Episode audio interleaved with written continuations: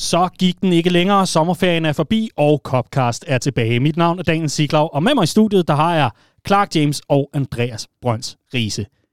Godt at se jer. Hej Clark, har du det godt? Goddag, dagen længe siden. Ja, jeg har det fortrinligt. Hvad med dig? Jeg har det også rigtig dejligt. Hvad med dig, Riese? Jeg har det fremragende. Skønt. Ved I hvad, øh, vi skal jo simpelthen tale så meget Liverpool, at øh, det halve kunne være nok. Men lad os alligevel, nu hvor det er på den anden side af sommerferien, lige få en status. Har det været en god sommer? Riese, du er blevet husejer. Jeg er nemlig blevet øh, husejer og har skrevet under på øh, den første købskontrakt på et hus i hele mit liv. Øh, et, øh, et lækkert hus ude i, i Albertslund. Øh, der er så også relativt mange ting, der ligesom skal falde på plads, når man øh, skal købe øh, sådan et hus. Og det troede jeg egentlig det meste af min ferie skulle gå med. Øh, så faldt det sådan lige på plads, lige op til ferien med det resultat, at jeg virkelig har haft en ferie, hvor jeg har lavet nul og niks. Ej, hvor dejligt. Efter at have købt hus, var der ingen penge ud at rejse for, så jeg har været i sommerhus i Sverige, og i sommerhus øh, på Bornholm, og nu er jeg hjemme og har min sidste uges ferie, og nu mener min kæreste godt, at jeg må begynde at pakke nogle flyttekasser. så det, det vil du gøre. Hvad, hvad vil du pakke med i det nye hus? Hvad er det vigtigste at få med? Det er klart min, øh, min hyldemeter øh, fodboldbøger, hvor at øh, kronjuvelen i, øh, i samlingen selvfølgelig er Big Sam selvbiografi. Er det ikke den, hvor der er sådan er fedtpletter på bagsiden? Jo, lige præcis. skønt, skønt. Clark, hvad med dig? Har det været en god sommer? Ja, det synes jeg. Det synes jeg. Øh, jeg har ikke så store overskrifter at hive med mig. Øh, tværtimod så øh, har jeg egentlig... Det ligger lidt tilbage. Jeg var i Grækenland en uge, og så var jeg på festival og sådan lidt af hvert, men ikke noget så seriøst som dig, Riese. Meget, meget klassiske ferieplaner. Du tog til Nordjylland uden at købe noget? Ja, jeg købte noget. Hold da op, jeg købte alt for meget. øh, jeg var lidt for meget i barn på Nibe Festival. Men jo, øh, jeg tog til Nordjylland og prøvede øh, at stifte bekendtskab med øh, Nordjyllands lokale festival, Nibe Festival. Og det var altså det var hyggeligt. Den er hyggelig, ikke? Jo. Den er god. Oh, det kan du godt være, at man skulle tage sig smut forbi. Og netop Nibe er der jo noget omkring i forhold til Redman Family. Det kan man jo glæde sig til. Det kan man. Altså bare roligt, vi skal ikke på Nibe Festival optræde. Det, det vil vi, vi, vi spare folk Først for. Først næste år. Først næste år. Men i hvert fald, så er der øh, nyheder på vej øh, på den front. Ja. Det glæder vi os rigtig meget til. Det her, det er jo Copcast, som er Redman Families ugentlige magasin, når det kommer til Liverpool, hvor du kan blive klogere, måske i hvert fald høre vores bud på, øh, jamen, hvordan det hele hænger sammen i Liverpool FC, og så er det oven i købet på dansk. Hurra, hurra. Og så er vi faktisk gået ind i et helt specielt år, når det kommer til Copcast, men det vender jeg tilbage til lidt senere. Inden da, så vil jeg sige, at det her, det kunne ikke lade sig gøre uden de super mange medlemmer af Redman Family, som bakker op og har gjort det troligt. Der er mange, der, øh, som altså bare har været øh, i gang, jamen lige siden det nærmest var muligt at melde sig hen og støtte op med en medlemskab, så har de gjort det, og mange er også kommet til i takt med, at de har lært Redman Family at kende. Rigtig hjertelig velkommen til de nye medlemmer, og velkommen tilbage fra sommerferie til de gamle medlemmer. Vi er simpelthen så glade for hver en, der støtter op. Tusind, tusind tak for det. Sidder du og lytter med på en gratis omgang, hvis man kan kalde det det, jamen øh, så kunne du måske overveje at melde dig ind og blive klar til en ny sæson, der kommer i hvert fald til at blive skruet på lidt forskellige knapper, og vi glæder os simpelthen så meget til at præsentere den lidt opdaterede medlemspakke, som kommer her i løbet af sæsonoptakten og starten. warten. Redman Family øh, løber simpelthen øh, rundt på den måde ved, at øh, du melder dig ind og dermed støtter op, men også at du dukker op i øh, de lokale afdelinger, som der altså er adskillige af i, øh, i foretagendet her, hvor vi altså har lokale afdelinger over hele landet. Og det er skønt at se, at der allerede nu begynder at være sådan en ulmen rundt omkring i lokalafdelingerne med fede arrangementer og events og alt muligt andet, som gør, at man kan blive rystet sammen og blive gjort klar til endnu en omgang. Ja, hvad endte vi på sidste sæson? Plus 60 kampe, tror jeg nærmest, vi var op omkring. Det er jo rigtig meget, og hvis man skal være så meget sammen, så er det jo godt lige at blive rystet sammen. Så det kunne vi se, at flere har gjort, blandt andet i Herning, hvor der var en, en skøn optag til, øh, til sæsonen med både fodbold udenfor og så altså fodbold på poppen bagefter. Hvis du er en af dem, der tænker, åh, jeg er simpelthen så træt af min, øh, min IKEA-sofa, og jeg gider ikke se fodbold mere i den. Nu vil jeg simpelthen møde nogle ligesindede. Jamen gå ind på redmanfamily.dk-afdelinger og find din lokalafdeling og find dit nye stamsted. Der er rigtig mange hyggelige steder, og det er jo ikke forbudt at prøve lidt forskelligt, hvis man nu synes, uge i dag, der synes jeg godt nok, jeg hører til i Herning, og så en anden dag, uge i dag er jeg i Kolding. Jamen, det, er, det står der fuldstændig frit for. I hvert fald, så er det øh, inde på hjemmesiden, du kan få det fulde overblik. Og så er der sidst men ikke mindst den del, der hedder, at vi også har en shop i Redman Family Regi, hvor vi har en dygtig fyr i form af Jesper Dejlov, som simpelthen står klar til at skyde en masse fedt merch afsted. Så hvis du ikke har de 1.500 kroner, en ny Vapor-trøje i øh, ægelgul og lilla, og jeg skal ellers komme efter dig, det nu engang koster, så kan du altså godt blive øh, klædt på til, øh, til begivenheden inde på shop.redmanfamily.dk, og så står Jesper altså klar i, øh, i sidste ende med, øh, med at pakke og få det sendt til, og ikke noget med 12 og alt muligt andet. Det går simpelthen så snorlige, når det er under hans ledelse. Og det er de praktiske ting. Og nu kommer jeg til den del, som jeg har glædet mig rigtig meget til at markere sammen med jer gutter. Fordi jeg tror, vi er den konstellation i Copcars historie, der har hængt længst ved sådan kontinuerligt. Uh, kan det passe, Clark? Ja, det tror ja, jeg passer det, meget det, godt. Det, det, det, er vist, det er vist okay. Vi, Mm. vi har været sådan en, en, en samtømret øh, enklave på, på mange måder. Ikke? Vi, vi er lidt Liverpools øh, offensive trio, inden øh, Mané han begyndte at synes, at øh, tyrolermusik og alt muligt andet var meget mere spændende. Inden Mané, han købte et hus i Albertslund. ikke? Ja, præcis. Gutter, øh, jeg har simpelthen, øh, ja, jeg har simpelthen øh, dykket ned i de gamle årbøger, og jeg har kigget på kalenderen, og så har jeg kigget lidt længere tilbage. Og jeg tror, at du og jeg, Clark, vi nu kan konstatere, at det her, det er Copcasts 10. sæson. Jo, Hold op, vi mand! er jubilæum. Hold, Hold da kæft. kæft. Ja. Og i, I ser, I ser ikke en dag ældre ud. Åh, oh, tak skal synes du have, jeg. Det synes jeg godt nok. Jeg har fået sådan nogle fuger, altså øh, de der Brendan Rodgers øh, sidste sæson. Ikke? Er du sindssyg, mand? Ja, jeg ligner Roy Hodgson efterhånden. Og du vil ikke melde ind med en. Nej, det, er, jeg ved ikke rigtig, hvad jeg skal tage. Nu er alt nærmest taget, ikke? Så skal man over i nogle andre klubber og sådan noget. Det har vi en anden podcast. Det. Det har vi i hvert fald. Men øh, jeg vil egentlig bare lige øh, melde ind, at øh, vi har simpelthen det her jubilæum. Og øh, det skal vi selvfølgelig fejre i den, øh, i den nye sæson. Men, men Clark, øh, hvad er the origin story of øh, Copcast? Øh, kan du huske den? Nej. Nej. Altså, du mener, hvorfor vi gør det? Nej, altså hvad, hvad er vores historie? Hvor, hvornår startede Nå, det? Kan du jamen- huske det? Jamen, det kan jeg nogenlunde. Vi Ja. startede i efteråret, eller vinteren i 12-13 sæsonen, Ja. øh, mener. Altså, det var sådan en midtvejs ting. Øh, der var podcast, det var en meget ny ting, øh, som vi havde hørt lidt om. Og så snakkede vi om, at det kunne være meget sjovt at, at lave noget indhold på lyd. Øh, og det hele øh, begyndte jo hjemme i vores gode kammerat Michaels øh, stue, øh, mm-hmm. på hans, øh, hvad der minder om en casting couch, if you know, you know, øh, hvor at øh, vi sad med SingStar-mikrofoner og, øh, og, øh, ligesom, øh, og, og ligesom indspillede det, der var øh, de spæde udsendelser af, af Copcast. Og vi lavede jo også live-udsendelser på de her, øh, med de her SingStar-mikrofoner hen mod slutningen af 13-14-sæsonen, og alt muligt spændende. Det var, det var Ja. those were the days. Those were the days. siger lidt om de dage, at Clark han kan huske præcis, hvordan det startede, men ikke hvorfor. Nej, præcis. Hvad var det nu, vi ville? Nej, det var fantastisk. Jeg, jeg, jeg kan huske omkring de der øh, liveudsendelser, det var også en direkte, hvad kan man sige, øh, en, en lillebror til, til Copcast. Det var det der med, ej, kunne det ikke være sjovt at lave noget optakt, og så efterfølgende tage ned på poppen og, og se Liverpool selvfølgelig. Og så var der også en god grund til, eller hvad kan man sige, en, en god anledning til at mødes over noget brunch. Og det var simpelthen i løbet af den forårssæson, der var 13-14, altså året efter vi gik i gang, der, der vandt Liverpool simpelthen så meget, så, så for hver weekend, der gik med de her optagter, der blev vi mere og mere hævet i ansigterne, simpelthen af øl og fejring og, og glæde. Det, det husker man øh, ganske tydeligt. Ja, der skete det, at vi til sidst ikke kunne få, øh, få plads ind på poppen, fordi vi jo sad og lavede optagt øh, ja. på Østerbro, og så Ja. vi kom ned på poppen, der en halv time, time før kampstart, så var der fuldstændig proppet, ikke? Jo. Øh, Hvilket gjorde, at vores sidste udsendelse, det var øh, til kampen mod Newcastle, hvor vi stadig havde det spinkle håb om, at Liverpool kunne blive mestre, hvis City bare snublede. Og vi indledte udsending, øh, udsendelsen med øh, Eon DD's Still Believing. Those were the days. det var en anden Imagine tid. being us. Det var en anden tid. Copcast er blevet til meget andet med tiden, og øh, jeg vil gerne øh, have lov til på øh, hele fællesskabets vegne her at sige tusind tak til dem, der har holdt os ud i starten og øh, har holdt ved efterfølgende. Det er vi rigtig, rigtig glade for. Vi øh, fortsætter i samme spor, og vi lover, at øh, vi selvfølgelig holder kvaliteten og øh, sende fre- frekvensen, hedder det selvfølgelig, ved lige. Men øh, 10 års jubilæum, Clark, det, der, der, der må du så også lige øh, træde til, altså sætte en fod i døren og så simpelthen sige, nu stopper det. Ja, nu skal vi ikke sende mere. Nej. det stopper her. Nej, Nå, hvad mener du? jeg tænker i forhold til lyden af Copcast. Øh, ja, altså, det var faktisk en snak, vi havde. Nu skal du ikke lægge den over på mig. Og Øh, men at, øh, at vi synes, det var blevet sådan lidt... Vi, vi kørte lidt i den samme spole, ikke? Så det er lidt af det, du snakkede om med fronttriven, og der skulle ske noget fornyelse, så vi, vi gjorde lige lidt ved, ved jingle. glimrende.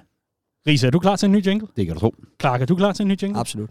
Kære lytter, vi håber, du er klar til sæsonens første udgave af Copcast.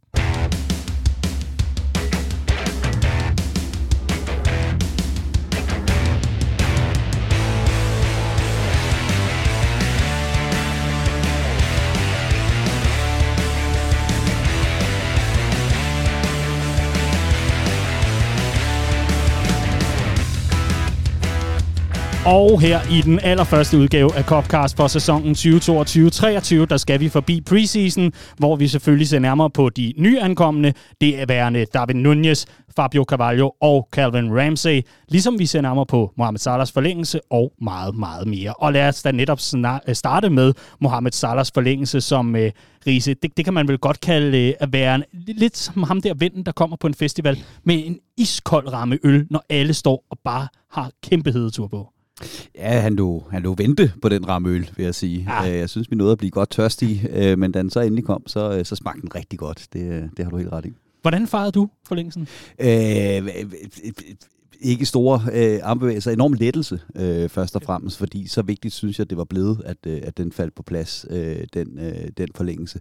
Og det var en saga, som, som ikke var, var hverken køn eller, eller behagelig, øh, men, men den så faldt på plads, så, så først og fremmest en, en enorm lettelse, fordi han er bare, øh, i min øjne med afstand, øh, Liverpools vigtigste spiller. Ja, og hvis vi øh, lige skal skrue lidt ned for sommerferiestemningen, og, og lidt op for øh, seriøsiteten i forhold til Mohamed Salahs forlængelse, så, øh, så kan man jo øh, konkludere her, Clark, at øh, et er øh, selve forløbet, og, og det er uskyndt for mange, tror jeg, men noget andet er den betydning, Mohamed Salah har haft for Jürgen Klopps mandskab, jamen værende fra 2017 og så frem.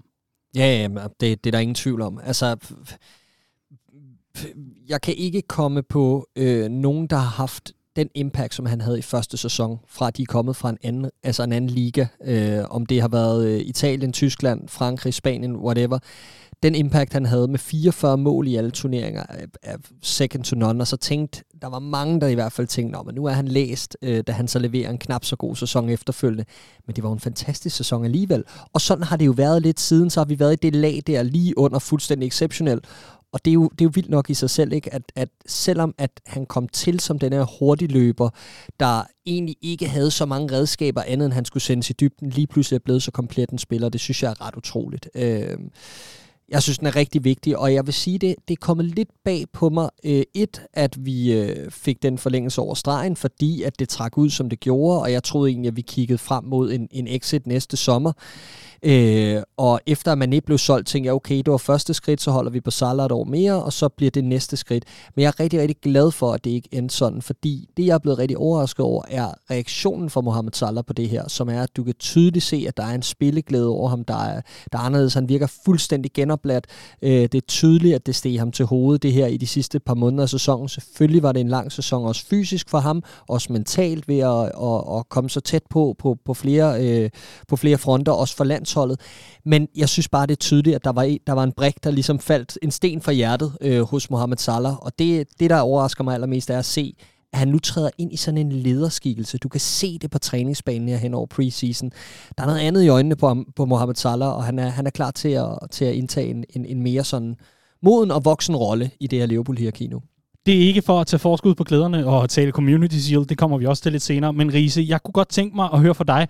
Den Mohamed Salah, der kom til Liverpool i 2017, øh, sammenlignet med den Mohamed Salah, som spillede her i weekenden og var med til at vinde øh, Community Shield for, for Liverpool, og i øvrigt høstede mange roser for sin indsats. Hvad er forskellen på de to Salah, og hvad, hvad er der blevet bygget på i, i forhold til, øh, til ja, fra 2017 og så frem til nu? Øh, jamen, Clark siger det meget godt, at han, han har nemlig bygget øh, mange flere redskaber øh, på sit spil. Øh, jeg synes, at Mohamed Salah, der kom til, var, var relativt endimensionel, øh, og var faktisk, ironisk nok, ikke en særlig god afslutter. Han skulle fandme bruge mange øh, øh, chancer til sin øh, mål.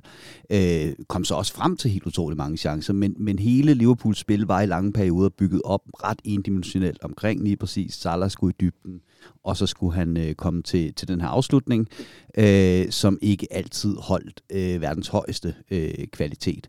Øh, der synes jeg, der både er blevet bygget noget på som, øh, som afslutter. Øh, jeg synes stadig, han er verdens bedste afslutter. Jeg stadig, synes stadig, en af hans, hans vigtigste forser, at han kommer frem til rigtig mange øh, afslutninger. Øh, men så er der blevet, især blevet bygget noget på i forhold til blikket for øh, medspillerne, hvor han jo også er, er, er øh, sprunget ud som assistkongen. Ikke? Øh, lagde også flest assist i sidste sæson, så vidt jeg husker. Ikke? Øh, er det ikke rigtigt? Jo, ja, rigtigt. lige præcis. Øhm, så, så, så den del, synes jeg, der er, øh, der, der er blevet bygget på. Øh, og så, når vi snakker om, hvad øh, Klopps Liverpool er, så vender vi jo ofte tilbage til det her med de øh, mentale monstre. Øh, hvor jeg synes, Salah måske tidligere i sin karriere, det er jo ikke, han har aldrig været sådan frail og sådan tøsedreng og sådan en, der faldt ud af kampene og sådan nogle ting. Men han er eddermame sprunget ud som sådan en øh, personificering af det her med at være et øh, mentalt monster. Øh, kvæg det her, som Clark også siger, med bare at holde et uhørt højt niveau, selv når man ikke kan leve op til sine egne høje standarder, så må man på bagkant altid kigge på Mohamed Salahs sæsoner og sige, sige det var stadigvæk fremragende. Det lader til, at klubben havde en lille sjov intern joke med Mohamed Salahs agent, som har været rigtig meget fremme i skoene. Han lavede en, øh, jamen en reaktion på, øh, på noget. Han lavede i hvert fald øh, no, nogle emojis, men der, der var ved at græde og grine over et eller andet. Og så gik Liverpool Twitter ellers øh, direkte i fælden og begyndte, åh nej, Tino Stille blander udenom. Ah, efter klubben retweetede hans med, med, med, med en lille kommentar til, og et eller andet andet, noget emoji, der også var, åh stop nu, Tino Stille, whatever. Og så gik der ikke særlig mange minutter, så var den officielt ude, Mohamed Salah har forlænget med Liverpool. Og sådan er vi simpelthen nået frem til 2022, Riese, hvor en klub øh, lige laver en indledning, der hedder, skal vi ikke drille hinanden, kære her agent, inden vi annoncerer, øh, at øh, din stjerneklient, han altså forlænger med foretagendet her. Den sidste spørgsmål, inden vi skal videre herfra i forhold til Mohamed Salahs forlængelse, og så videre til at tale om øh, de nye, nye drenge, og ikke bare en forlængelse, det er selvfølgelig, hvad er det, Mohamed Salah kan bidrage med her i øh, de sidste prime-år af hans karriere, må vi gå ud fra, må vi gå ud fra. Det tillader jeg mig at sige, så kan I jo altid skyde mig ned på den front. Men hvad er det, han kan bidrage med i forhold til eventuelt en transformation af Jürgen Klopp, eventuelt et generationsskifte, ja, fremtidens Liverpool? Han kan bidrage med mål først og fremmest, og det jeg var bange for, øh, da vi skulle igennem den her øh, generationsskifte op foran. Vi havde tre mænd, der var lige gamle, og nogen skulle afsted. Og der i lang tid havde jeg det jo sådan, at det kunne godt være, det var Mohamed Salah, for han var der mest sell-on value i. Øh, og så havde man nogle penge at geninvestere. Øh, det var ikke lige markedet, hvor man kunne øh, skyde Mohamed Salah, så det ville ende med, at vi skulle af med ham gratis. Det ville være en fuldstændig eklatant katastrofe. Men i og med, at vi egentlig har fået en øh, Luis Diaz gradvist ind, øh, som egentlig gør, at vi ikke kommer til at savne Mané lige så meget, som jeg havde frygtet, vi ville. Øh, jeg tror, vi ser en Firmino, der, der, der bliver mere og mere sådan en rotationsspiller, og nok også den af de tre op foran, der passede bedst til at være det. Så er det, øh, kunne vi hurtigt komme til at stå med, med, en, øh, med en offensiv, hvor der var, var sådan, du ved, øh, Luis Diaz, jeg tror ikke, han rammer 20 mål den her sæson, det skal nok komme til på et tidspunkt. Det bliver ikke den her sæson. Jeg tror ikke, at David Nunez rammer 20 mål den her sæson, skal nok komme til på et tidspunkt, bliver ikke den her sæson. En, alle vil gerne have den her flydende, uforudsigelige offensiv, hvor man aldrig ved, hvor næste mål kommer fra. En gang imellem har man brug for at vide, hvor målet skal komme fra, og det ved man, når man har Mohamed Salah på holdet. Mm. Clark, du har talt lidt om, at uh, Mohamed Salah er en lederskikkelse, og, og, og kvæg sin uh, imponerende fysik og form, og i det hele taget indstilling til, til, til tingene, så, så er han jo på mange måder også et forbillede for rigtig mange af de unge. Vi har tidligere set en Harvey Elliott, som har været under hans vinger på den ene eller anden måde, og han generelt jo ligesom bare viser dem, sådan er det, man er scoret, når man er topatlet, og når man er den, der tjener bedst i Liverpool, kan så tillade sig at sige nu også, men, uh, men altså også er, at, at den, som, uh, som viser vejen, når det kommer til det offensive. Men, men når vi kigger på fremtidens Liverpool, kommer han så til at være den her øh, faste figur, indtil tingene begynder at glide stille og roligt over i, at nu er der nogle nye, der tager over, end Darwin Nunez har fået nogle sæsoner, etc. etc. Jamen, leading by example, og øh, det er Mohamed Salah. Øh, ikke en klassisk anførtype, men helt klart en af anførende i Liverpools omklædningsrum. Øhm, jeg øh, tror ikke nødvendigvis, at vi er i gang med en, en udfasning over år. Altså, du, nu nævnte du det der med, at øh, øh de sidste prime over hans karriere. Jeg er ikke sikker på, at de sidste nødvendigvis er de tre år, vi har skrevet med. Jeg tror godt, det kan være længere endnu. Han er en, han er en af de sådan, øh, bedste eksempler, jeg kan se på de næste i rækken af de her moderne topprofessionelle fodboldspillere. Der er en ting er, at de holder sig i, i fysisk ekstrem god forfatning. En anden ting er hans mentale niveau.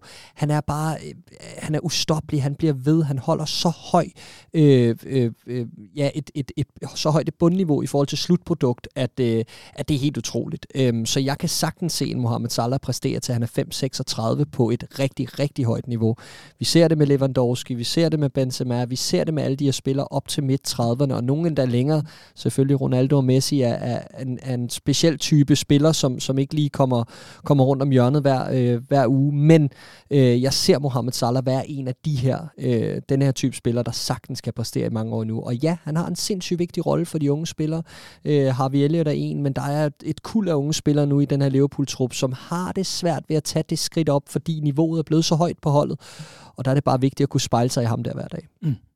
Og måske låne hans øh, kostplan og øh, ja, de øvelser, han laver derhjemme. Hans på, program Ja, lige præcis.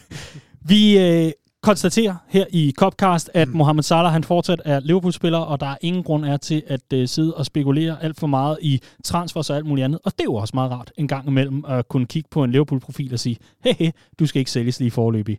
Til gengæld så kan man så gå ud og kigge på nogle af de Liverpool-spillere, der er blevet købt, for de andre har solgt. Og øh, der synes jeg, at øh, vi her i Copcast skal lave en, en lille runde, der hedder Velkommen til. Og den runde starter selvfølgelig med ingen ringere end den helt store profil op foran, da Manchester City blev slagtet her i weekenden. Måske lige at tage munden fuld. I hvert fald Community Shield helten Darwin Nunez. Rigtig hjertelig velkommen til ham. Rigtig, rigtig spændende spiller, som øh, solgte sig selv på 180 minutter i øh, løbet af Champions League-sæsonen. Det var meget godt gået. Det må man sige. Men så du den afbrænder, han havde i Asian-dagen? Jamen, jeg har set compilation øh, derfra øh, i hvert fald øh, 30 gange. Okay. Og der var jeg ikke så overbevist om, Nej. om han var den rette mand. Spøj til side. Men, øh, men Riese, David Nunez, der på 180 minutter, øh, jamen lige for en klop, kan man sige, jo altså viser vejen og viser, hvorfor at øh, Liverpool er klar til at punge ud for ham. Oder was? Hvad er det for en spiller? Fordi man har jo scoutet ham i et godt stykke tid. Ja, nu siger du, øh, nu siger du det her med de 180 minutter, og det er jo selvfølgelig noget vrøvl, og så er der alligevel et græn af sandhed i det. Ikke? Han var på vej til, øh, til West Ham der i januar, for var det 60 millioner pund, og blev så solgt øh, for næsten et dobbelt et halvt år senere. Og det var uden tvivl på grund af hans øh, Champions League-præstationer. Og, og man kan scoute en spiller nok så meget i en øh, ikke særlig kompetitiv liga. Det er svært at oversætte det til, hvad han så vil kunne i Premier League. Og der er det klart, at det han præsterede i Champions League, der så man noget, der havde kvalitet nok til, at man kunne sige, okay, det kan vi oversætte til toppen af Premier League det her, og derfor tør vi godt gå ud og, øh, og smide de her, øh, de her penge for ham. Og han var pissegod i, øh, i, i Champions League. Ingen tvivl om, øh, om det. Øhm, han, han, han, er en, han er en relativt rå spiller, synes jeg. Øh, jeg synes, hans øh, allerstørste force, det er den rå pakke, han, han kommer med. Øh, hans fysik er, er eminent, og noget af det, jeg hæfter mig allermest ved, og som jeg er gladest for, det er, at jeg er altid lidt betænkelig ved de her store angribere, fordi hvis du skal kunne leve på at være stor i Premier League, så skal du være Benteke-klasse stor, og så går det som regel ud over spillet med fødderne. Øh, det synes jeg, vi har set talrige eksempler på. Øh, øh Vincent Jansen og øh, Aller og hvad de ellers sidder, der kommer fra Holland og har bumpet en masse øh, kasser ind på at være store, men så ikke kan det i, i Premier League. Der synes jeg, at David Nunes han også har en øh, hurtighed, øh, og han har en, en snille, øh, en kløgt at bevæge sig på i, i feltet, der gør, at han også kan komme frem til øh, de her chancer. Så når man er hurtig, man er arbejdsom, og man øh, kommer frem til chancerne. Det er tre vigtige ingredienser, når man skal være angriber i et, i et klopsystem. Så skal han så arbejde i vildskab med sit link-up-spil, øh, og jeg synes faktisk også, at han har store skridt at tage nu som afslutter. Det var den sidste ting, jeg vil tage med nemlig, fordi det har han helt sikkert. Øh, det vigtigste første, øh, det, den vigtigste første ting er nemlig det her med, at han kommer frem til tingene. Øhm, og så bliver det rigtig interessant at se, hvor hurtigt han omstiller sig til, at han bliver mere i centrum, øh, fordi det var også noget, det Klopp brokkede sig over her. Øh, eller ikke brokkede sig over, men han, han sagde i hvert fald, at holdet skal lære at spille op til Nunes styrker, og jeg synes, han oversatte det meget fint for folk derude, der sad måske lidt ligesom mig i preseason og tænkte, uha, hans first touch, og der, han ser lidt tung ud på, i nogle situationer, men som Klopp sagde, hvis du bliver ved at bede ham om at løbe derhen og derhen og derhen og søge ham konstant, jamen når han så har taget det tredje løb og får bolden i fødderne, jamen så er han helt, så er han nakkert, mm, altså han er mm. fuldstændig færdig, og det går, altså, det går ud over, når du fysisk er helt drænet, og hele tiden skal være i aktion. Så der er noget med, at Nunez selvfølgelig skal indstille sig på den måde, vi spiller på, og han kommer mere i, i, i, i aktion, og tempoet er højere end i Portugal, og alt det der. Øh, men en anden ting er, at vi skal heller ikke søge ham konstant og forseret hele tiden, fordi så, så får vi ikke det bedste ud af ham. Så der er lige sådan en, en periode, hvor, hvor de to parter skal lære hinanden at kende. Men det, jeg faktisk synes er hans aller, aller største styrke, det er øh, hans bevægelse uden bolden. Jeg synes, hans løb er fuldstændig fremragende. Det er tydeligt, at han åbner nogle kanaler for os, vi ikke har gjort de sidste mange sæsoner, og nok ikke under Klopp overhovedet. Det synes jeg er rigtig interessant. Jeg regner med, at det vil være lidt mere primitivt i forhold til at finde ham i feltet øh, fra vores baks og så videre. Vi så også Salah finde ham på det hovedstød, der giver straffe i, øh, i weekenden sejr over City.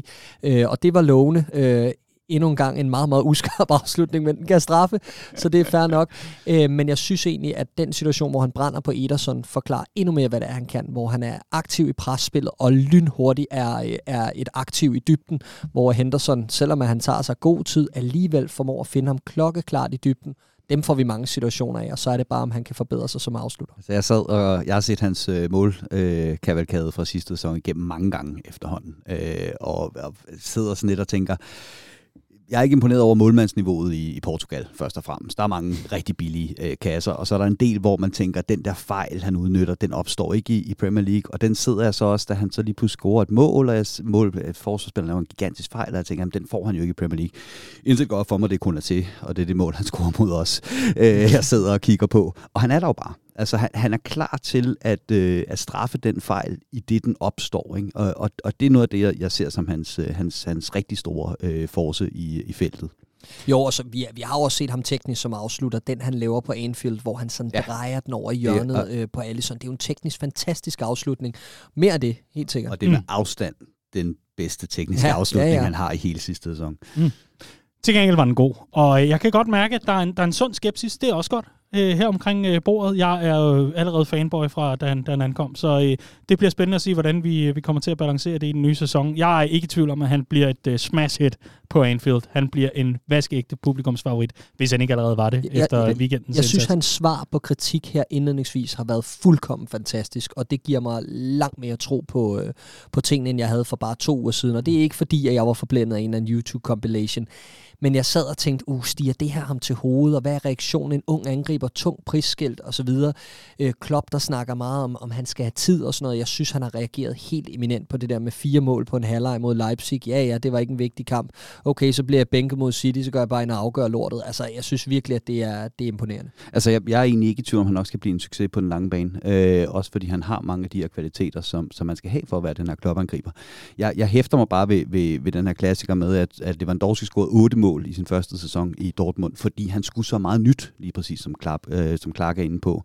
Øh, Ciro Immobile scorede tre mål i sin første, og kom så aldrig til at spille for Dortmund igen, det er så en anden ting. Men det her med at skulle ind og være topangriber i, i et klubsystem, det er bare en helt anden verden, og øh, det tror jeg kommer til at tage noget tid at øh, skulle vende sig til for ham, men den tid har vi også. Mm.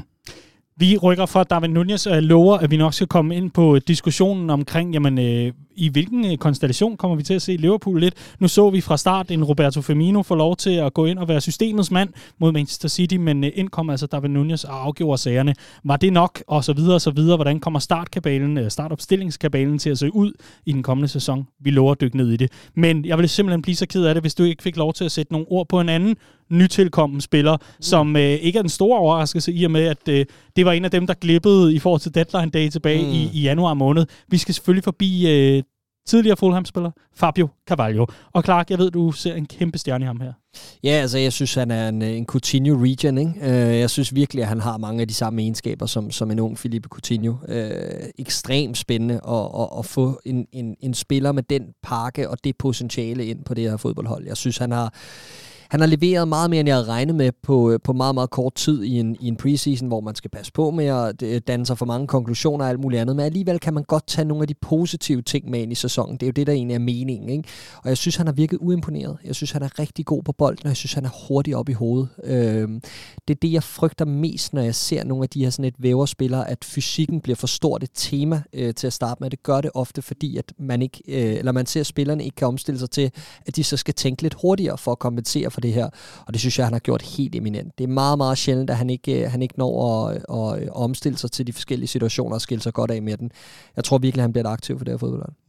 Øh, det, det, jeg er allermest spændt på med ham, det er, øh, om vi har tænkt os på et eller andet tidspunkt at vende trekanten på midtbanen om, og det er jo det, der har været rigtig meget snak om, også her i, øh, i preseason.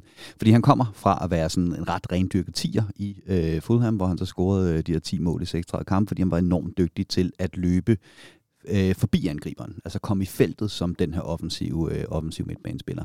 Og det er noget, som, som vi har snakket om længe, det her med Liverpools midtbane, der kommer fra lidt fra den, og, og, og det bliver lidt, øh, det bliver lidt forudsigeligt engang, gang man kan tage vores falske nier ud af, af spillet ved at spille med en fembakkæde, at vi måske mangler den der anden formation, vi kan, vi kan spille, hvor han kunne blive enormt øh, vigtig, øh, Carvalho, hvilket også ville gøre, at man kunne bruge Nunez som mere rendyrket nier, fordi man havde en tier bag ved ham. Øh, det har vi ikke set så meget til i, i, i, i preseason, og jeg er spændt på at se, hvad hans, hvad hans rolle sådan bliver øh, i, i, i starten, øh, her hvor han skal spilles ind på holdet og så videre. Men jeg tror, at, at det er noget, som Klopp gerne vil have i sin redskabskasse. Han vil gerne kunne spille den her 4-2-3-1, øh, øh, men har bare ikke rigtig haft spillerne til det øh, endnu. Jeg synes, det er sindssygt spændende, netop det med, med, med systemet. Vi ser Carvalho få øh, chancen i den her fuldkommen ligegyldige testkamp mod Strasbourg i går som falsk nier. Øh, en komplet utaknemmelig opgave med de spillere, han havde omkring sig, og, og den service, han fik. Men, men det fortæller også lidt om Klopps tanker, at hvis han bygger lidt fysik på, så kan han godt blive en Firmino, øh, en option ala Firmino, øh, hvis, øh, hvis han ryger næste sommer på en fri. Øh, jeg har lagt mærke til, at i nogle af testkampene, blandt andet mod Salzburg, der bruger vi Harvey Elliott ude på højre kant, men han går ind og opererer som en tier, når vi har bolden. Øh, han ryger op mellem kæderne, skal modtage bolden, vende, skabe noget. Så vi har nogle forskellige variationer.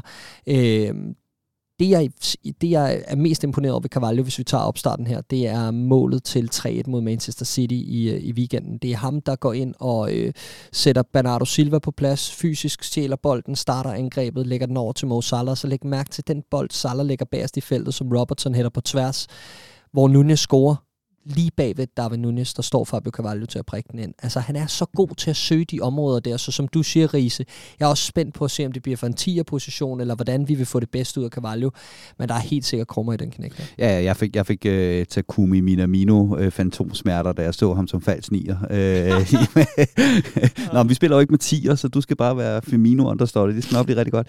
Uh, ej, det tror jeg var, var, var født af nødvendighed på grund af skader ja. osv. Men hvis man så Fulham spille sidste sæson, det er egentlig det der pointen, så spillede de der her 4-2-3. Øh, øh, øh en, øh, men hvor han ofte endte ud på en fløj, Carvalho, netop fordi de angreb med så mange mennesker, og så var han skide god til at finde ud af det der med, okay, nu er der en anden, der optager den her plads, så faldt han ud på en af fløjene, og der kunne han også godt spille. Og han minder mig lidt, altså nu snakker vi, hvad han er for en type spiller, han minder mig lidt om en, øh, en ung Dele Ali, så at sige. Altså det der med at komme fra anden række og være så god til at finde de her løb op på siden af angriberen og blive farlig, mere end han er sådan en klassisk mellemrumstiger, der ligger og, og kreerer der, øh, derindefra. Og den type spiller har jeg synes, at vi har manglet i stort set hele den tid, Klopp har været øh, manager i Liverpool. Nu sagde Andreas øh, Delali, og jeg sagde Coutinho. Lad os håbe, at han ikke ender som nogen af dem.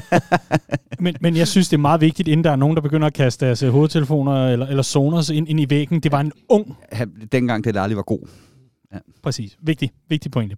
Vi øh, skal lige forbi sidste manden, og det er jo ikke fordi, vi kan sidde og kaste om os med, øh, med meget store og flotte ord om ham, fordi øh, Ja, hvem er han egentlig? Nej, øh, spøj til side. Det er, en, det er en spiller, som har været øh, lidt skadesramt i løbet af, af preseason, og ikke rigtig har været i aktion, og derfor så er det blot en, en, øh, en teoretisk snak om, hvad, hvad det kan bidrage med. I hvert fald, Nico Williams er fortid i Liverpool efter et øh, udlån til øh, Fulham, så tænker han, det mest naturlige er selvfølgelig at rykke til Nottingham Forest og, og fortsætter karrieren der, og det har han så gjort for godt og vel 15 millioner pund, tror jeg, det var købsummen lød på. Og det er jo en flot pris for en spiller, som Liverpool ikke skulle bruge længere, og som ikke passede ind i Jürgen Klopps system på den front. I stedet har man fået øh, scoutet sig frem til Calvin Ramsey, som øh, altså øh, på en eller anden måde jo skal, så skal være understudy til Trent Alexander-Arnold. Den her dybt utaknemmelige opgave, som vi har set mange knække halsen en lille smule på. Men er han øh, godt dækket ind i forhold til, at Joe Gomez måske kan hjælpe på den front også i nyerne? Ja, det tænker jeg. Nu har vi også set i opstarten, at James Milner også kan spille der. Øh, man har også forsøgt med Isaac Mabaya, men øh, lad os bare lade det være ved det forsøg.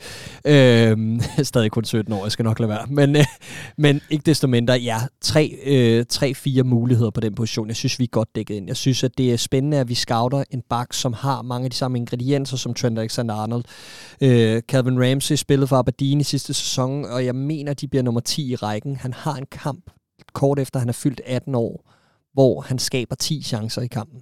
Det er fuldstændig outrageous. Jeg har aldrig hørt noget lignende. Altså, en højre bak, der skaber 10 chancer i en kamp, det tror jeg aldrig Trent har været i nærheden af i, øh, i sin Liverpool-tid. Så altså, der er helt sikkert noget og, og et kreativt øh, element i, i, i den her knægt, og når man sidder og ser de her compilations og ting og sager, så er det også tydeligt, at han har en god højre fod. Han er god til at distribuere spillet og laver mange af de her sideskift, vi også ser Trent gøre. Øh, har også en fart over sig, en dynamik og sådan noget. Så jeg kan sagtens se øh, tankeeksperimentet, men igen må vi bare tilbage til, for de her unge spillere, der er et enormt spring op til det her fodboldhold. Der er så mange ting, øh, man skal kunne, og især som bak øh, i, i, i det her system, fordi du har det et kæmpe ansvar i at, i at vægte, okay, skal jeg frem, eller skal jeg, skal jeg blive stående nu? Og det er, det, det, er, det er et stort krav til så unge. Så umiddelbart vil jeg sige, at han viser preseason, det er, ikke, øh, det er ikke et godt tegn i forhold til hans rolle i den kommende sæson. Men, øh, men vi har ham i mange år endnu, så lad os se. Ja, vi i hvert fald en spiller, som øh, jeg havde fornøjelsen af at skrive, øh, her er alt, du skal vide om, og så var det så Calvin Ramsey, og øh, fik også lov der, til, dermed til at øh, dykke lidt ned i, i forhold til ham, og også se nogle af de compilations, hvor det ikke går så godt, og se nogle af de analyser af, hvad der, hvad der ikke er hans forser. Og øh, der kan man så sige, det er måske ikke så, så, så fede ord at få med på vejen herfra, men øh, Hans defensive øh, hvad kan man sige, egenskaber lader meget tilbage at ønske. Øh, han, han er ikke super skarp på den front, og skal helt sikkert have bygget en bund, som øh, Kostas Demigas for eksempel har fået bygget på i, i løbet af sin tid i Liverpool, hvor han jo egentlig er, er ganske habil forsvarsspiller. Altså, han, han bliver aldrig nogen verdensstjerne på den position, og vi kommer aldrig til at tale om, som, om ham som øh, en af de allerstørste, men derfor kan det jo stadigvæk være godt nok, som vi så i den forgangne sæson. Calvin Ramsey, velkommen til. Vi glæder os til at øh, studere dig, øh, når du altså øh, nogle gange er, er trådt ud af klublægens kontor og ud på træningsbanen og altså ud i aktion for Liverpool. Her til sidst, inden vi øh, altså vender snuden mod øh, Community Shield og øh, får lukket lidt af for, for preseason, så skal jeg selvfølgelig høre jer, fordi det var de tre spillere, der er kommet til sådan i grove træk, øh, i hvert fald dem, der er mest interessante at tale om. Jeg skal høre jer i, i sådan en, en ultrakort omgang øh, transfer talk. Hvor bliver den der midtbanespiller af, som vi har talt om, øh, stolper op og ned? Omkring, jeg ved ikke hvor lang tid, Riese? Øh, jamen, Klopp har været ude og øh, afvise på det kraftigste, at man var på vej efter at hente en øh, midtbanespiller. Nu kender vi Klopp godt nok til at vide, hvad det er. Det er en god, solid omgang spin, som dels øh, har til formål at øh, presse prisen ned på dem, man nu engang er interesseret i. Der er det rigtig dumt at gå ud og sige, at vi mangler desperat en midtbanespiller. Plus, at når man så eventuelt ender med at stå og ikke har købt en midtbanespiller, så har man sendt et signal til dem, der er om, at de selvfølgelig er gode nok og værd at satse på. Mere skal man ikke ligge i det, tror jeg. Jeg tror at stadigvæk, det er en absolut første prioritet for Liverpool at, øh, at kigge efter midtbanespiller. Men det skal være en rigtig midtbanespiller. Og det er derfor, jeg tror, at, øh, at, at Jude Bellingham stadigvæk er klart nummer et. Og hvis man har en fornemmelse, at man kan få ham til næste sommer, så kommer man ikke ud og, og, og henter en i år øh, for at, at tage den plads i truppen, for så at stå og ikke kunne hente Jude Bellingham næste år, hvor han er tilgængelig. Fuldkommen korrekt. Og er det ikke udefra, hvis vi forestiller os, at Klopp han har sådan en, øh, hvad, hvad hedder sådan, er det, er det en gamebook? Hvad er det, det hedder, de der NFL-coaches har? Øh, hvor de har sådan et, et, et stort, ja, jeg ved ikke, nærmest en kæmpe bog, hvor de kan stå og vælge forskellige spil og så videre. Nå, men i den bog, Jürgen Klopp har sin spin-manual der. Playbook. Ja, en playbook, det er det, den hedder, tak. Øh, der, der er det vel den, der går under navnet Danny Ward-finten, er det ikke? Ja, jo, jo, jo, det kan vi godt kalde den. Det kan vi godt kalde den. Øh, den finte varede en uge, ja. synes jeg, den er, øh, og, og for at præcisere, hvad det handler om, så handler det jo selvfølgelig om, at man lækkede til pressen den sommer, man køber Allison. Ugen inden lægger man, at jamen det kan faktisk godt være, at Danny Ward bliver førstevalgt i, i den kommende sæson og får chancen nu her, og det gjorde han jo naturligvis ikke. Øhm, og, øh, og, og, og det er jo selvfølgelig i samme stil, øh, det man gør her. Jeg, øh, jeg er enig med dig, Riese, i, i forhold til, at, at, at, øh, at Bellingham er klart nummer et. Øh, jeg tror, det var ham og Tchouameni, ikke? Øh, der var kandidaterne, og da han røg til Real Madrid, der tror jeg, at Liverpool tænkte, oh fuck, fordi så er der ikke mange muligheder tilbage den her sommer. Øh, og øh, det er bare en lille smule frustrerende, at øh, der ikke er et alternativ, men jeg må være ærlig at sige, at jeg kan heller ikke se nogen helt oplagte spillere være derude, som skulle træde ind foran dem, vi har i forvejen. Og hvis Bellingham er øh, tilgængelig næste sommer, og man er i gang med at, øh, at lægge den helt store charmefinte ind, jamen så giver det jo mening at vente. Jeg tror bare, det er en lille smule frustrerende, når man sidder og ser nu her, at vi er, det er en kalkuleret risiko, det her med, at, at vi spiller med dem, vi har. Vi, jeg synes, vi har manglet noget i de topkampe der.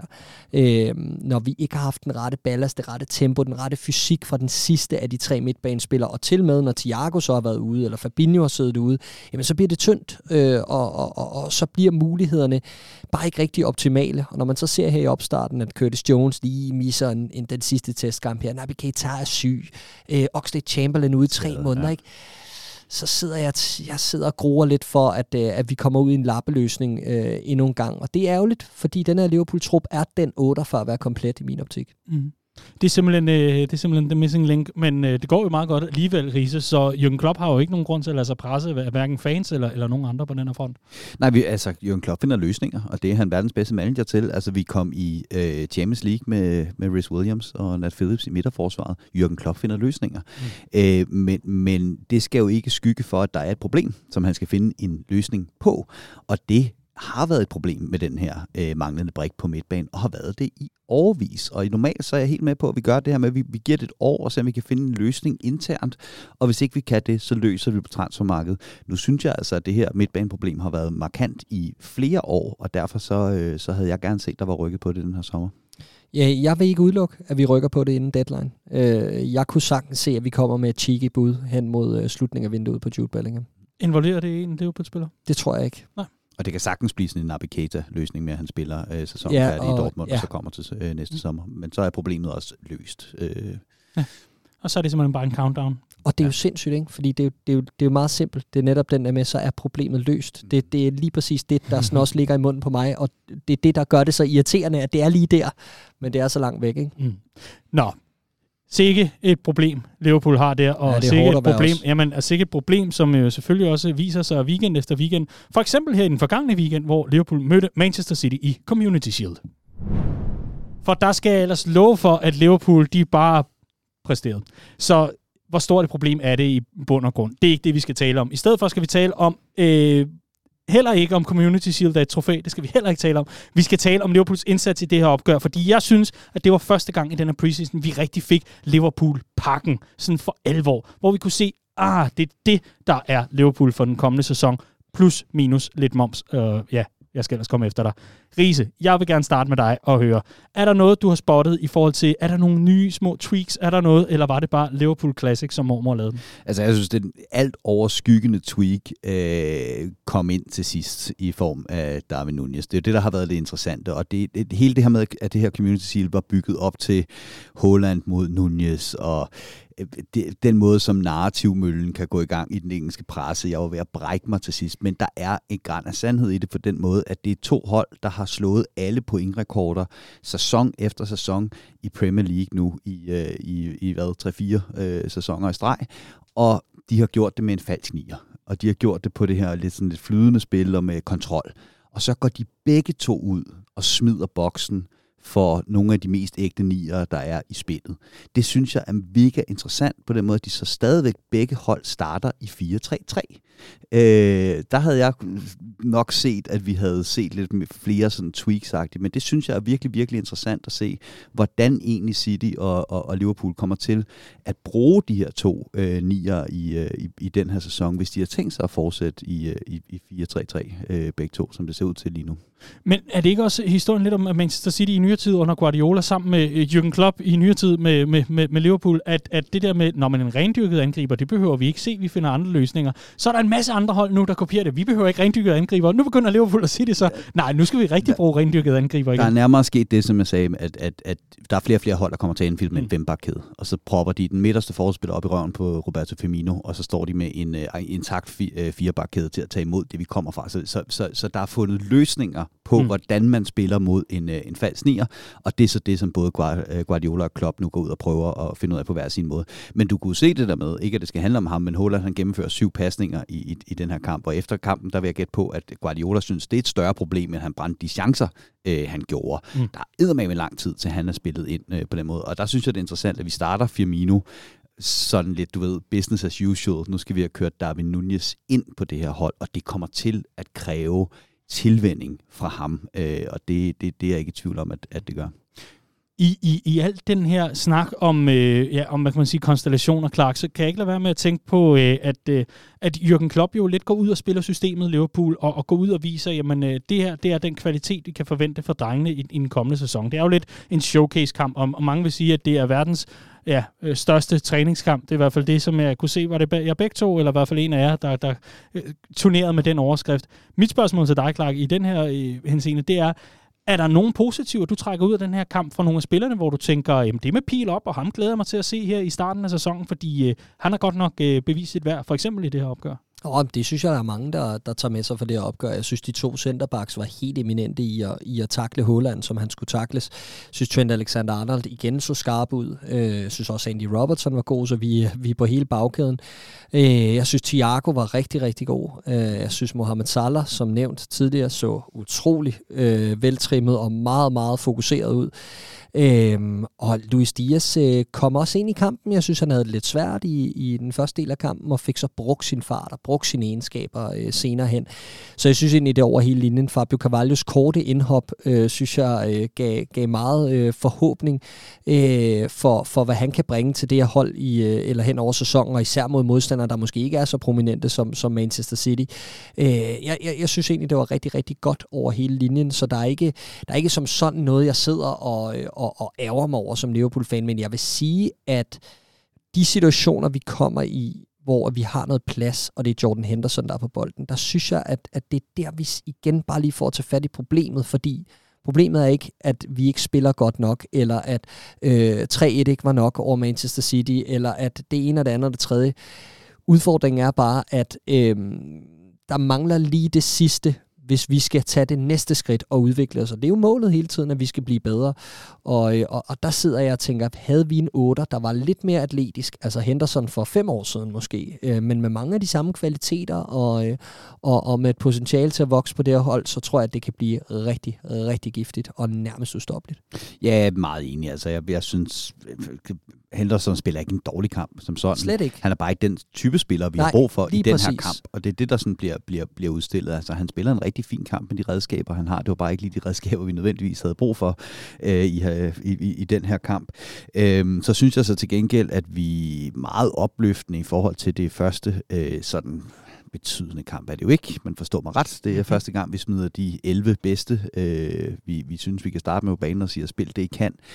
Øh, at afspillet for bagkæden var så godt, øh, og jeg synes, vi, vi de, sige, de forsøger med alverdens presformationer, som de også skal have spillet Håland ind i, og jeg synes, vi formår at finde Trent utrolig mange gange i utrolig meget plads, både på indersiden af Salah og på, på ydersiden. Øh, og der går de jo over til, City, øh, det nok i min optik, at give Adrian mere og mere mere tid på bolden. og der har været meget snak om, at Adrian var god eller dårlig i, i den her kamp. I forhold til, hvor meget tid de gav ham på bolden og gav ham ansvar for, for opspillet, så synes jeg, at han løste opgaven øh, op, øh, fint. Øh, og det var meget, øh, meget fortrydet. Altså, det var sådan en kamp, hvor bagefter, jeg tror ikke, der var nogen man- manager, der gik ud bagefter og var utilfredse. Øhm, og, og City vinder den på XG, og kunne også godt have vundet den på en anden dag. Jeg tror, det var, det var, det var en kamp, hvor begge managers kom ud bagefter og siger, vi står, hvor vi står, og det er nogenlunde der, vi skal være. Det er fint. Øh, det skal nok blive en god sæson. Mm. Er der nogen andre store tanker om uh, Community Shield andet, end at det, det er sjovt at se Liverpool løfte pokaler? Øh, jeg vil lige sige, at jeg tror, at City går fra den her kamp mere bekymret for sæsonen, end vi gør. Øh, netop fordi vi har is i maven med at spille på samme måde. Lave den der glidende overgang frem for at lave noget revolutionerende. Og vi har de muligheder i en Shota, der kommer tilbage, og en Bobby Firmino, der, der kender sin rolle. City har altså reddet op ved rødderne og har solgt nogle prominente profiler op foran, som gør, at de er nødt til at spille på den her måde nu. Øh, og det tror jeg giver en lille smule bange anelser. Der er også noget nede omkring den øh, venstre forsvarsside, hvor øh, Laporte sidder ude i halvanden måned, og øh, Cancelo er noget nær eneste mulighed, man har på, på, på den venstre bak, øh, og den kom han ikke godt fra, den første test her. Så jeg tror, der er alligevel lidt øh, i, i City City-lejren, som jo har jagtet en venstre bak, og, øh, og, og, og nu står med de her muligheder, hvor jeg ser det her Liverpool-hold være ret meget klar til at, til at angribe den her Premier League. Får vi den midtbanespiller, fantastisk. Får vi den ikke, så er vi klar alligevel. Mm. Og så skal man ikke undervurdere øh, betydningen af at få hul på målbyen, næsten også ligegyldigt, hvor ligegyldig kampen er. Altså den her diskussion om, hvor vigtig community er, den holder mig langt ude om. For mig er det en, en træningskamp, øh, men, men fodbolden bliver mere og mere globaliseret, og der er spillere, der kommer fra en kultur, hvor der er en Supercup-tradition. Og det her, det er Supercup i England hvordan man så indvinder og drejer det. Og der synes jeg, man kan se på, på Nunez' reaktion, da han scorer. Altså, jeg kan godt huske dengang, Ricky Lambert ikke kunne købe et mål for Liverpool, og han til sidst spillede træningskampe med en puls på 380, fordi nu vidste han godt, at det allerede snappede til inden sæsonen var begyndt. Øh, der var det bare fedt at se øh, jeg score det mål. Så kan vi altid diskutere det der med at smide øh, trøjen. Jeg vil nok også gøre det, hvis jeg havde en overkrop som ham. øh, det er, hvad det er. Øh, men det var i hvert fald tydeligt at se, hvor vigtigt det var for ham at, øh, at få det mål øh, smidt ind. Øh, og det, det, det er kun positivt, at han kunne tage det med. Nå, med et god kort i en træningskamp er det ligegyldigt. Men tænk nu på børnene, Clark. Ikke? Han er et forbillede. Ikke? Jo, og hvilket et. ja, ja der, der er måske nogen, der, der stille og roligt har, har, har taget den der Kims chipspose og lagt til siden i sofaen og sagt, nej, ikke til mig. Nu skal jeg være ligesom ham der. Jeg skal spille... Nej, lige meget. Det er også fuldstændig underordnet. Hvor er det godt, at vi, øh, vi lige kommer ind på, at han selvfølgelig også har en fedtprocent på 0,1 eller et eller andet. Det er fuldstændig latterligt. Vanvittigt. Nå, sikken fysik. Vi skal øh, sætte de sidste tanker øh, og ord på en preseason. Skal jeg egentlig ikke bare lige wrap det lidt op og sige, turen gik øh, forbi både Thailand og Singapore. Der er et opgør, vi overhovedet ikke behøver at tale om. Så er der et opgør, vi ikke behøver, behøver at tale sådan rigtig meget om heller. Lidt forskellige kampe mod Premier League-mandskaber. Turen gik herefter til både Tyskland, Østrig, og jeg skal ellers komme efter dig. Og så en dybt forglemmelig opgave søndag aften på Anfield, hvor Strasbourg øh, kom på besøg, og hvor jeg tror, der var en billetkøber eller to, der sad og tænkte, skulle jeg ikke være blevet hjemme og set den EM-finale i stedet for? Måske, måske.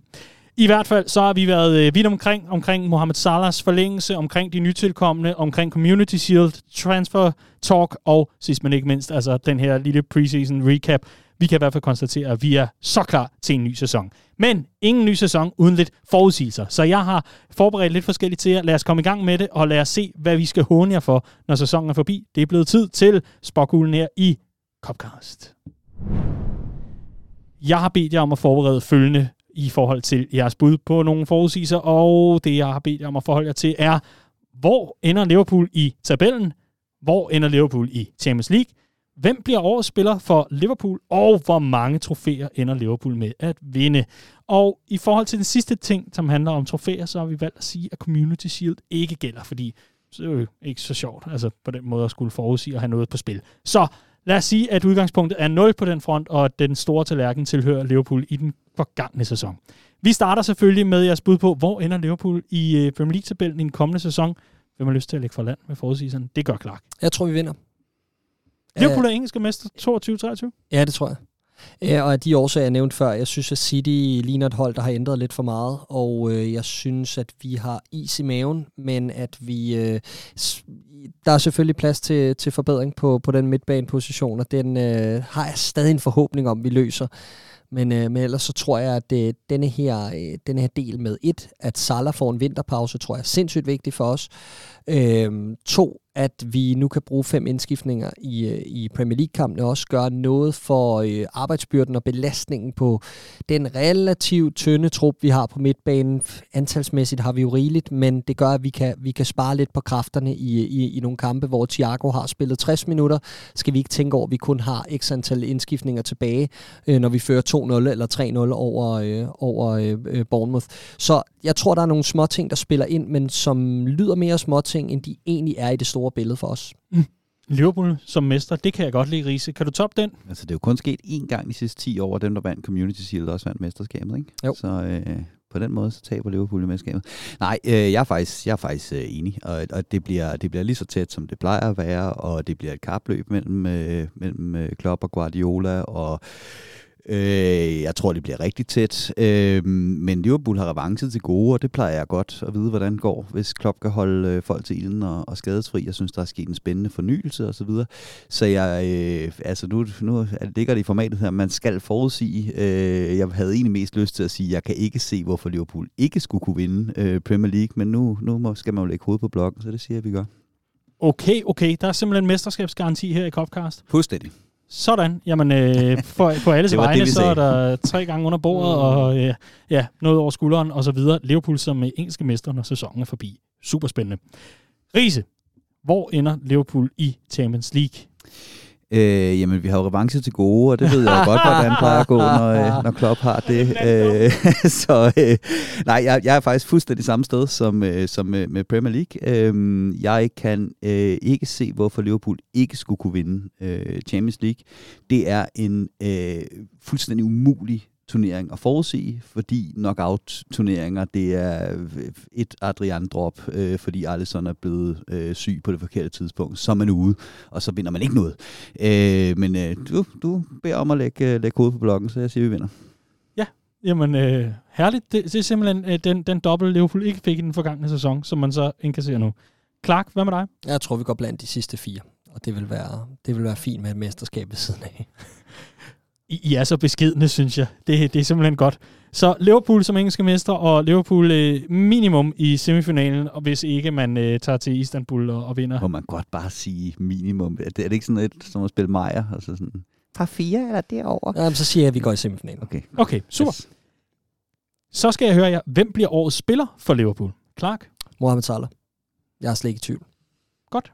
Grise? Det er jeg heller ikke, men det er jo for kedeligt, øh, så jeg siger, at, øh, at øh, Alisson får den oprejsning, han ikke fik sidste sæson, hvor han var verdens absolut bedste målmand, og ikke blev en skid anerkendt for det. Så jeg er røvkedelig og siger, at, at my homeboy Alisson bliver årets spiller Liverpool. Suverænt. Og så selvfølgelig til sidst, hvor mange trofæer ender Liverpool med at vinde i den kommende sæson? Jeg siger et. Et enkelt, og det er et mesterskab. Ja. Yes. Eller halvanden med Community Shield. øh. Ja, men jeg tror, jeg tror at øh, vi er tilbage til, at nu har Klopp vundet de der øh, hjemlige pokalturneringer, øh, så nu kan han godt tillade sig ligesom at sige, det, hak øh, og back to basics, og det er øh, Premier League og Champions League, øh, der er det vigtigste. Og øh, jeg har jo ligesom allerede sagt, at øh, jeg ikke kan se, hvorfor Liverpool ikke skulle vinde.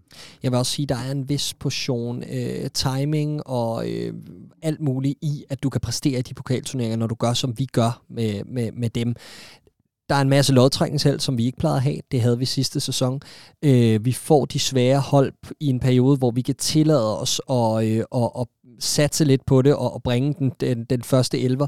Vi havde nogle periferispillere i Origi og Minamino, som stod på tærsklen til at skulle videre, men stadig var der. Og der er vi bare et lidt andet sted nu. Vi har en, et lidt yngre kul af spillere, som, som er i periferien af truppen, og derfor synes jeg, det er en svær opgave at bede det her hold om også at kunne jonglere med pokalturneringer, hvis vi skal levere i de to store. Glimrende. Så det er simpelthen øh, konklusionen, at øh, der er nyt til trofæskabet, når vi igen sidder her efter en øh, lang og god sæson. Øh, Riese siger, at der er to trofæer, mens du siger, at vi nøjes med et enkelt, fordi det, det ene halve, det har vi altså hentet i form af en stor tallerken i Leicester. Glimmerne. Præcis. Sådan. Jamen, øh, lad det være konklusionen her, og Riese, det var jo en, en dybt ubehagelig leg for dig, kunne jeg næsten fornemme. Du, du nævnte mange gange, at øh, man må nærmest ikke, og man skal lægge hovedet på blokken osv., men, men du lykkedes med det. Det var flot. Jeg hader forudsigelsesleg, men øh, ja, det er man, man kan jo godt gøre indsigelser mod oplægget til programmet, hvis det er. nej, nej, nej. Det er, der er kun én ting, der er dårligere radio end forudsigelsesradio jo Det når folk sidder sådan, øh, jeg vil helst ikke forudsige noget så er det fuldstændig spild af tid, ikke? Ej, hvor er det godt, Risa, at du så øh, gav os to trofæer på den front, på en af hver. Det her det har i hvert fald været enormt hyggeligt. En, øh, en god times tid, hvor vi i hvert fald har ventet den preseason, der har været, og varmet op til en ny sæson, hvor første øh, opgave for Liverpool det selvfølgelig er Fulham i den kommende weekend i Premier League sæsonpremieren. Og til den tid, på den anden side af den kamp, så er vi selvfølgelig meget klogere på, hvordan det hele kommer til at forløbe, og vi kan begynde at se de to her måske løbe for nogle af deres forudsigelser, hvad angår spillerne. Hvem ved, måske er der sågar også kommet en ny midtbandspiller i mellemtiden. I hvert fald lover vi at følge op igen i næste uges udgave af Copcast. Det var dejligt at være tilbage igen i et godt selskab sammen med jer. Absolut, og i lige måde, Daniel. Skønt, skønt. 10 års jubilæums sæson her i Copcast. Er du klar til en rise? Det kan du edderbrage med tro. Ej, hvor er det godt. Jeg sidder sådan og tænker, om du har en pointe eller noget andet. Du, du ligner en mand, der har sådan en, en ekstra ting med, med til, til os i lommen. Nej, ikke andet end, jeg synes, det er sjovt med de her preseasons, at når man er i sådan en opbygningsperiode, så sidder man og ser de der kampe sådan fuldstændig minutøst, og står klokken 4 om natten nede på Kenguruen for at se og spille mod et eller andet lortehold fra Asien, ikke? og øh, Thailand All Stars 11 eller et eller andet, for at se, om ikke der er et eller andet sådan på tegnebrættet, hvor står vi egentlig henne. Jeg har simpelthen, altså de, de preseason-kampe, jeg har set i den her preseason, kan jeg ikke huske, at jeg har set nærmest. Men jeg er ikke i tvivl om, hvor vi står. Og det, er, det, det, det synes jeg er, er, er, er sjov, sådan en, en, en udvikling hen imod, at, at, at øh, jeg, jeg er 0%, 0% øh, skuffet efter resultatmæssigt en vanvittigt dårlig preseason. Ikke? Altså, ja, ja, vi vandt den vigtigste af træningskampene, fair nok. Ellers så har det jo været skuffelse på skuffelse på skuffelse. Jeg kan dårligt huske kampene, og jeg er 100% sikker på, hvor vi står niveaumæssigt, og de interne relationer osv., øh, når vi skal til at i, i gang. Så øh, roll on, øh, 22-23, og hold kæft, for har det været rart med en, øh, med en, med en fodboldpause faktisk. Den synes mm. jeg, vi havde, øh, vi havde til gode. Ja, jamen, det havde vi da, men jeg, jeg synes trods alt, at når man kigger på den preseason, at de to vigtigste, altså mod de to bedste modstandere øh, i RB Leipzig og, og Manchester City, nu tager vi den med som træningskamp, der synes jeg, at vi så hvor vi er henne. Og det tager jeg med. Øh, og, og det er også det, der gør mig tryg. Øh, jeg, synes, der, jeg, jeg, jeg synes, det er et hold, der er til at genkende. Øhm, og så nogle af de unge drenge, der gjorde det fint. En mand, vi ikke fik nævnt i vores preseason gennemgang, var en Stefan Bajsetic, der har været en mand på mange hipsters læber. Han er øh, den bedste frisbarskytte i Liverpool. Ja, hold da op. Ja, og sådan kunne vi blive ved. Men det gør vi ikke, fordi det her det var Copcast for den her gang. Vores sæsonoptakt er hermed en realitet. Vi glæder os til at tale alt muligt fodbold, som øh, Liverpool altså skal ud og spille. Og det gør vi altså her i Copcast, der er Redman Families ugenlige magasin for Liverpool-elskende fans, som altså bare ikke kan få nok, når det kommer til nørderi omkring verdens, ja, vel nok bedste og største klub. I hvert fald, hvis man har sympatier mod Merseyside. Mit navn er Daniel Siglaug. Med mig havde jeg Clark James og Andreas Brønds Riese. Copcast er frygtelig tilbage igen i næste uge. Husk at melde dig ind på redmanfamily.dk, så er det så meget sjovere for os at lave alt det, vi laver her, og for vores fællesskab i det hele taget. Vi glæder os til en stor sæson. Tusind tak, fordi du lyttede med.